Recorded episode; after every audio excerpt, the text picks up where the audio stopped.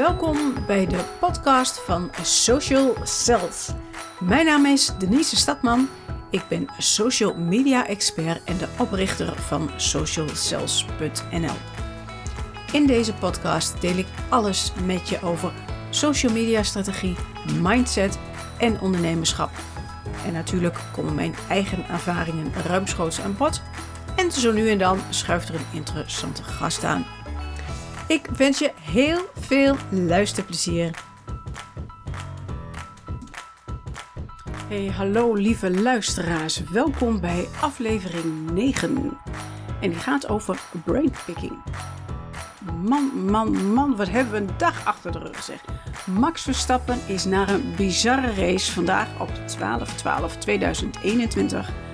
wereldkampioen Formule 1 geworden. Wat een prestatie en wat een ongelooflijk spannende race. Super.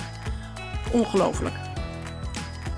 Maar dan moet ik nog die podcast opnemen. En dat is wel heel lastig omschakelen naar zo'n middag. Maar omdat consistency de true brand builder is volgens de experts, ga ik toch aan de slag. Want waar wil ik het vandaag met jullie over hebben? Dat is brain picking.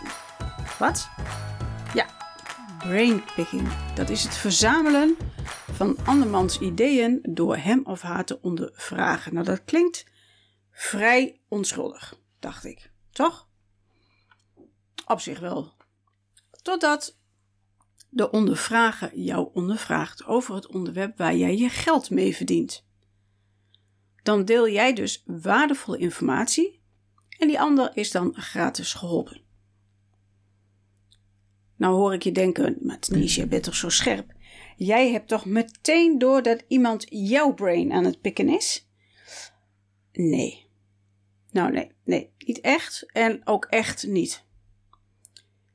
Ik kan je vertellen, je hebt het pas door als het gesprek al lang en breed voorbij is. Tenminste, dat had ik altijd. Ik zal je vertellen wat ik zelf heb meegemaakt.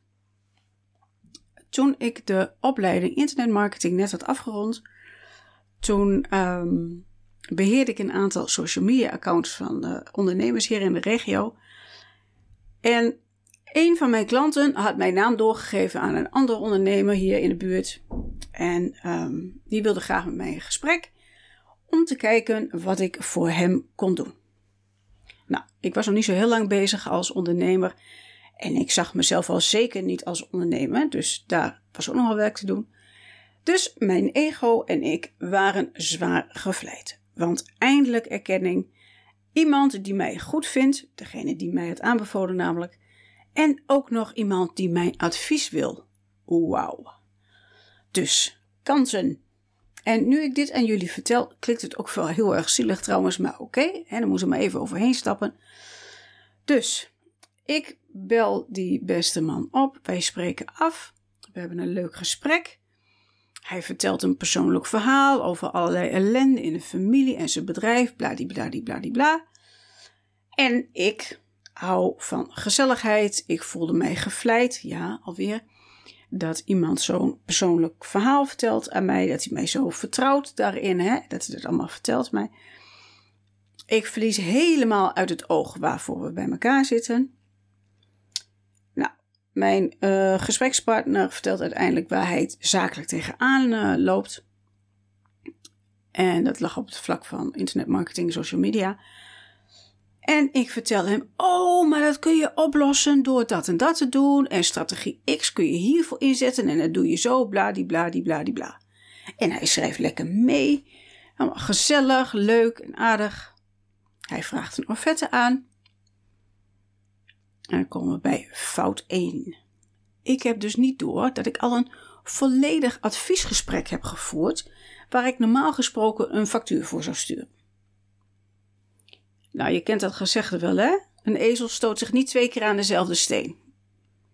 Nou, ik kan je vertellen, die, dat gezegde, dat geldt dus blijkbaar niet voor mij.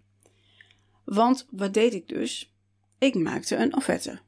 En zoals brave meisjes dat doen. Nou, dan denk je misschien, wat is daar nou weer mis mee? Gaan we door naar fout 2. Ik deed niet alleen de prijsopgave, maar ik deelde ook meteen mijn ideeën en strategieën om maar te laten zien dat ik kennis en kunde had. Dus vind mij alsjeblieft. Nou, eigenlijk, ik heb het dan over brainpicking, maar eigenlijk was ik een soort pick me girl.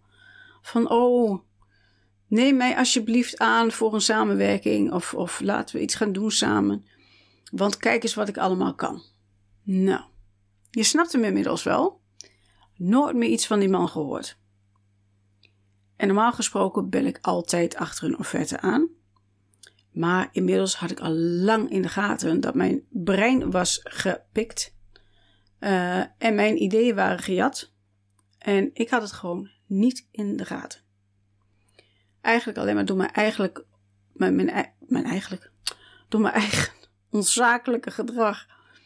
Ik voelde me zo ongelooflijk dom. En tegelijkertijd had ik meteen in de gaten dat dit een hele wijze les was.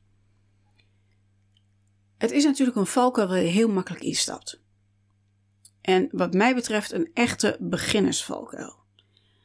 Je voelt je gezien door zo'n aanvraag, je voelt je serieus genomen en je vergeet gewoon om je kapitaal te beschermen. En dat kapitaal is jouw kennis en dat is jouw kunde. Ik weet niet of je Sinterklaas kent bij jou uh, in, in, in de regio waar je woont. Hè? En als je het niet kent, um, op 11 november gaan kinderen met lampions langs de deur en dan zingen ze liedjes en dan krijgen ze snoep. Nou, ik voelde mij dus net zo'n moeder, mijn moeder doet het ook altijd namelijk, zo'n moeder die dan een snoep uitdeelt en die kinderen en er ook nog zeggen, nou neem er maar twee hoor. Dus ja, wijze les en een dure. Nu was dit met iemand die ik niet eens kende. Nog gevaarlijker wordt het als een vriendin of een familielid jou iets vraagt over jouw expertise of over jouw vakgebied. Bijvoorbeeld um, dat ik in een privégesprek een bevriende ondernemer die als voedingscoach werkt begin over dat ik ben aangekomen na het stoppen met roken. Helaas is dat echt waar. Um, tenminste, niet dat ik het heb gevraagd, maar wel uh, dat ik ben gestopt met roken en heel veel ben aangekomen. Um, en, wat ik, en dan, dat ik dan aan haar vraag van, nou, wat moet ik nou precies doen om af te vallen? Dan vraag ik gratis advies, in plaats van dat ik naar haar praktijk ga en daar een programma volg.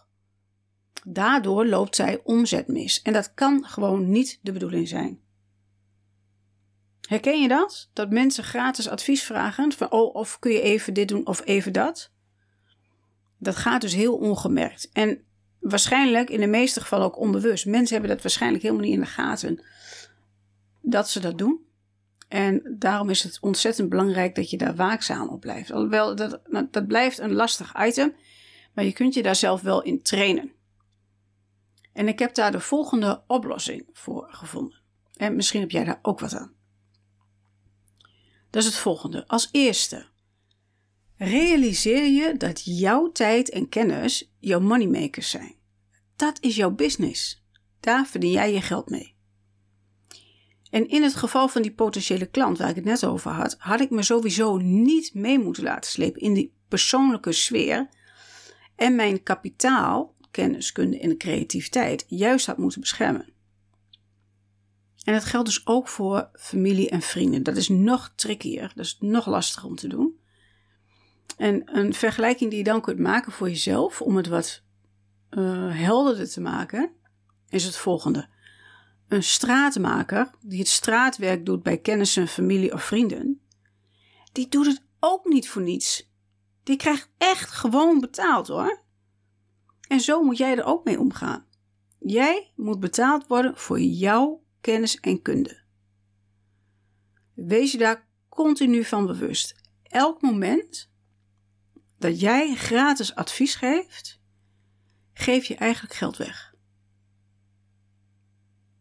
En daarvoor ben je niet gaan ondernemen. Daarvoor ben ik ook niet gaan ondernemen. zijn geen filantropische instelling. We zijn gaan ondernemen omdat we iets kunnen en omdat we daar geld mee willen verdienen. Dat, dat is hetzelfde als voor uh, een, uh, een stratenmaker, een kapper. Een, een, een familielid die kapper is, vraag je ook niet of die jou gratis even wil knippen. Zo simpel is het. Oké, dus daar moet je continu van bewust zijn. Dus dat dat jouw kapitaal is. Nou, dan kun je als tip 2 um, kun je een aantal beleefde, maar wel duidelijke antwoorden uh, voor die tijd al formuleren. Want je weet, dit komt, um, dit komt een keer naar voren. En dan kun je maar beter voorbereid zijn. Dus je gaat een aantal uh, antwoorden formuleren voor jezelf op dit soort vragen. Hè? Dus die, die informatiezuigende vragen.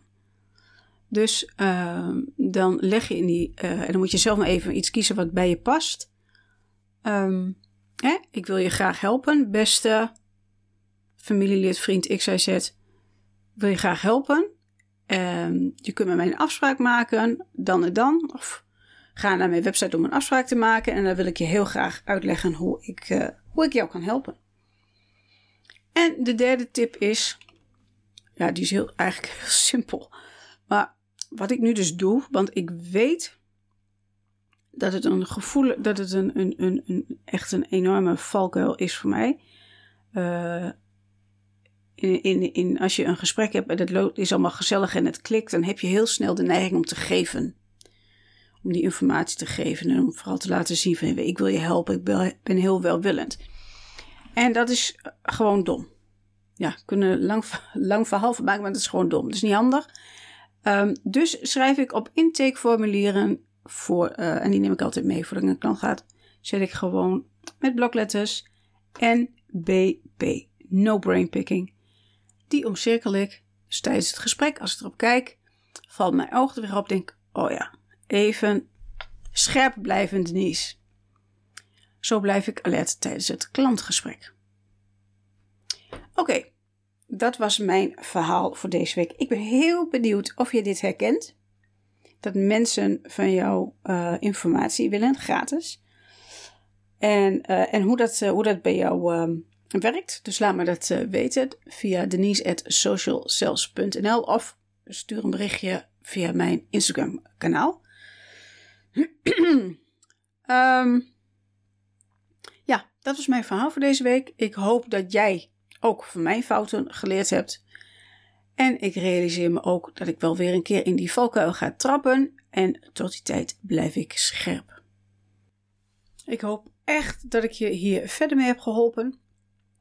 Als dat zo is, laten we dan gaan voor een win-win situatie. Stuur jij deze podcast door aan een vriend, collega of familielid die het ook interessant vindt, dan help jij hem of haar en je helpt mij aan meer luisteraars. Ik ben jou in ieder geval eeuwig dankbaar. Dank je wel alvast en tot snel. En dan zijn we alweer aan het einde van deze aflevering. Vond je dit interessant? Abonneer je dan op de podcast van Social Cells in je favoriete podcast app. Wil je meer inspiratie of meer informatie over mij en Social Cells? Ga dan naar de website socialcells.nl en daar vind je ook de links naar mijn social media kanalen, zodat we ook daar kunnen connecten. Lijkt me leuk. Tot de volgende!